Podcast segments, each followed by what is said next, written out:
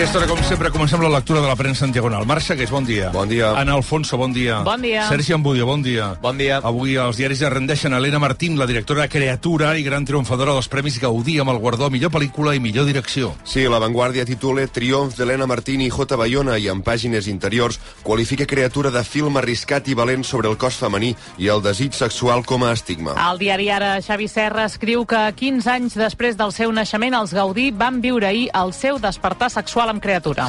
El periòdico posa un semàfor verd a Helena Martín i diu que criatura fa bategar la vulva als Gaudí, fent servir la frase que va recuperar del guió la intèrpret revelació Clàudia Malagelada quan va recollir el seu premi. El punt avui celebra que Creatura guanyés uns Gaudí dominats per les dones i també destaca Saben aquell de David Trueba que es van dur set guardons. I el Nacional diu que criatura eclipsa els Premis Gaudí i ratifica l'era de les grans dones cineastes.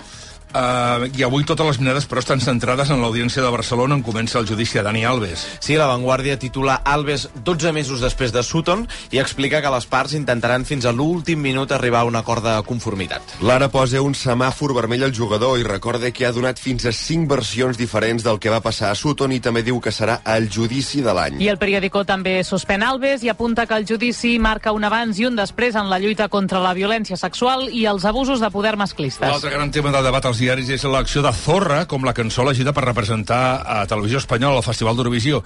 Hi ha diaris que celebren que aquest himne feminista arribi al festival. Sí, per exemple, La Vanguardia, que posa un semàfor verd a Maria Bas i aplaudeix que porti el seu missatge d'empoderament femení al Festival d'Eurovisió. A l'ara hi llegim que els pits de Rigoberta Bandini no van poder anar a Eurovisió, però la zorra dels valencians nebulosa sí, i els defineix com els boomers que portaran una cançó petarda al festival. El periòdico Pedro del Corral vaticina que Nebulosa no guanyarà Eurovisió perquè és difícil que la proposta encaixi amb els estàndards del festival, però creu que l'èxtasi que provocarà serà apoteòsic. A El País, Carlos Marcos opina que tot i que Bas vagi curta de veu i Zorra no sigui la bomba, la cançó ha guanyat, diu, perquè és un tamacle, és una cançó divertida, un pop petardo. I a l'Espanyol, a l'editorial, explica que Zorres ja és tot un himne feminista i argumenta que la lletra només podria ofendre els esperits més puristes, on el diari diu només hi ha una celebració de la llibertat personal.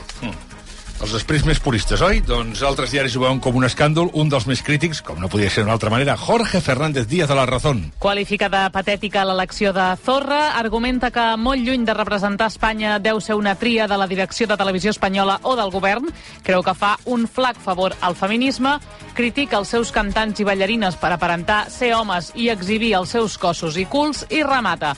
La diferència física entre un home i una dona salta a la vista per qui tingui ulls suficients i sensatesa. Jesús. I qui també ho critica és José Peláez, a l'ABC, que titlla la cançó de provocació infantil i vulgar que fa tard, de tema que només vol empoderar-se, reconstruir-se amb ritmes fàcils i conclou Eurovisió i és, per fer el ridícul, any rere any.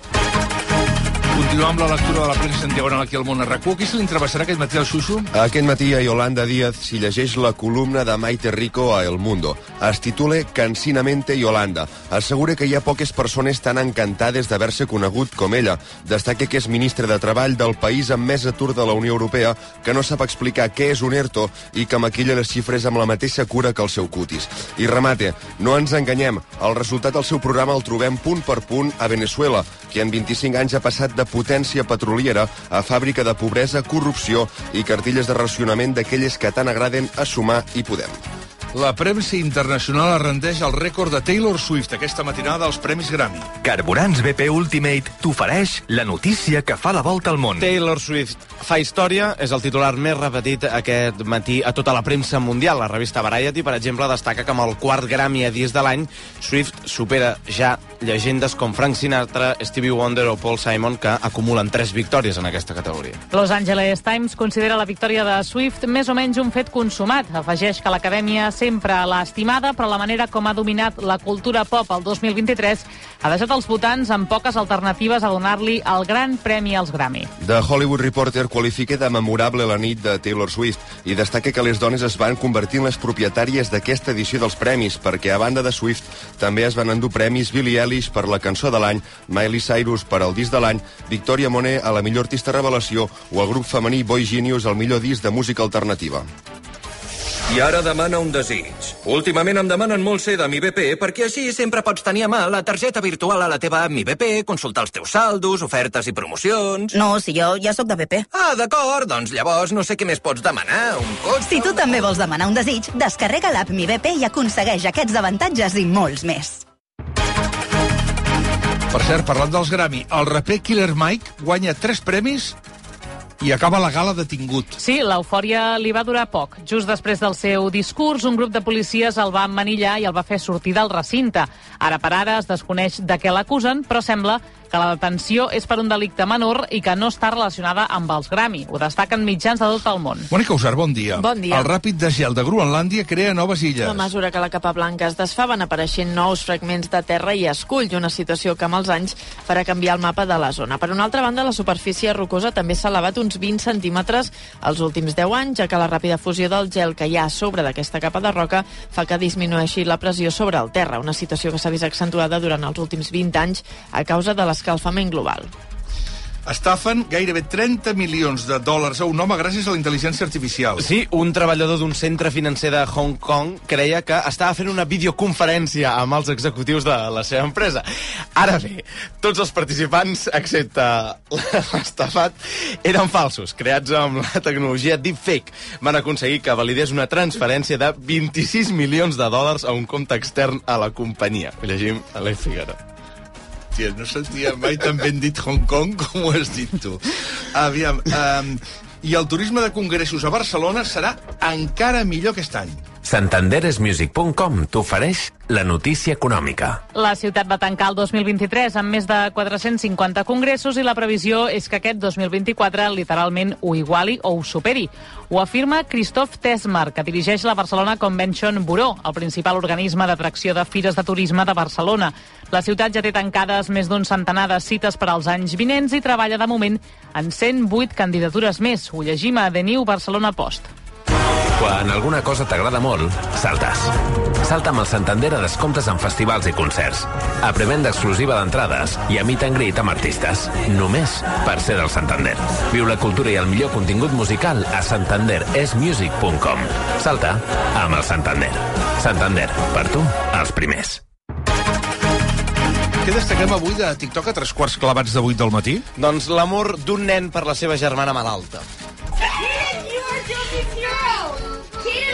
És un vídeo que ha fet literalment la volta al món. En un hospital, els pares comuniquen a un dels seus fills que podrà salvar-li la vida a la seva germana petita, que té càncer, perquè és donant compatible de medula. I aquest és el moment. We have one perfect match. Kinley, you are a 5 out of 10. El nen esclata d'alegria, comença a cridar i a donar voltes per l'habitació de l'hospital, celebrant que la seva donació podrà salvar-li la vida a la seva germana. Podreu trobar el vídeo al perfil de La Vanguardia. És magnífic aquest vídeo, efectivament. Premsa esportiva, Albert Pedrol, bon dia. Bon dia. Assistència sanitària. La dels metges patrocina aquesta secció. Ningú no està content amb els arbitratges després dels empats polèmics del Girona i del Real Madrid. Santinolla Mundo Deportivo escriu que el gol anul·lat a l'Atlètic de Madrid al Bernabéu és pura interpretació Totalment d'acord. i que fa la sensació que la interpretació és sempre madridista. Totalment d'acord. A més, se'n fa creus que ni el comitè ni la federació no facin pinça sobre una pressió de Real Madrid Televisió que és insostenible. Totalment d'acord. A l'avantguàrdia, Sergi Bàmies afirma que amb la perspectiva actual es pot constatar que el VAR complica la percepció del joc i que esperar que una incompetència ancestral es convertís en perfecció de laboratori potser era massa ambiciós. I mentrestant, al diari de Girona, Tatiana Pérez parla d'escàndol en el gol anul·lat de Yangel Herrera en el partit contra la Reial Societat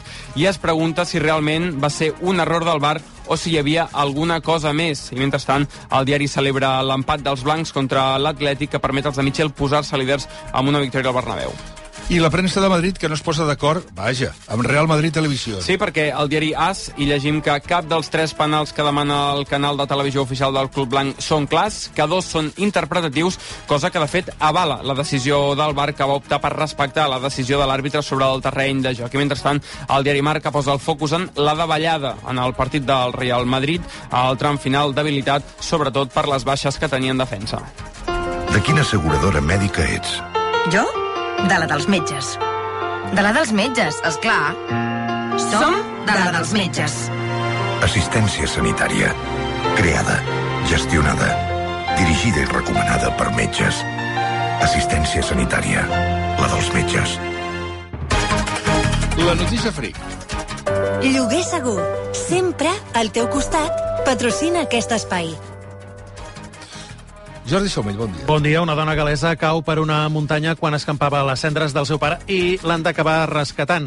La dona, una infermera de 32 anys, que també és escaladora, havia pujat al cim a 917 metres per acomiadar-se del pare i quan ja baixava va relliscar i va quedar eh, aturada en una petita cornisa. Els voluntaris la van localitzar mitjançant el GPS del seu telèfon mòbil al cap de 4 hores i el rescat amb helicòpter va durar 3 hores més. On ja salmó aquest matí? A Vanitatis, que es fa ressò del conviat de soltera de Teresa Urquijo, que el 6 d'abril es casarà amb l'alcalde de Madrid, José Luis Martínez Almeida. Urquijo ha anat aquest cap de setmana a Milà amb les seves amigues, va arribar a la ciutat italiana amb una maleta que, segons Vanitatis, cridava l'atenció perquè portava un llacet de la bandera d'Espanya i va lluir un barret de cowboy on hi posava Teresa Bright to be. Ai, a la nit, ai, ai, restaurant, bar de copes, karaoke i discoteca amb reservat. La festa va acabar a les 5 de la matinada a l'apartament on dormien fent balls de TikTok. Dios.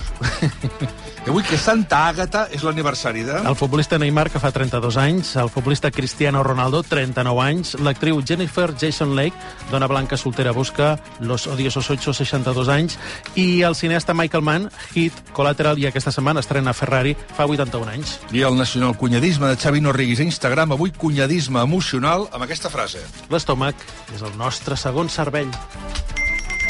Escoltes això? Són els nostres 21.000 propietaris rebent l'avís que avui ja han cobrat les seves rendes. Com ho fan? Molt senzill. Lloguer Segur et garanteix el cobrament de la teva renda el dia 5 de cada mes. Lloguer Segur ho fa tot per tu. Ahir, avui i sempre Lloguer Segur. Quina contraportada no ens podem perdre avui en Factor Energia, Marc? La de La Vanguardia, qui entrevista l'exdirectiva d'empreses com Google i Apple, Kim Scott. Aquesta nord-americana ha editat Franqueza Radical, una guia per millorar lideratges. Scott aconsella als caps que facin sentir els seus treballadors que creixen laboralment, així com que prioritzin la franquesa a la jerarquia. Afegeix, la majoria de les persones són bones fins que arriben a ser caps.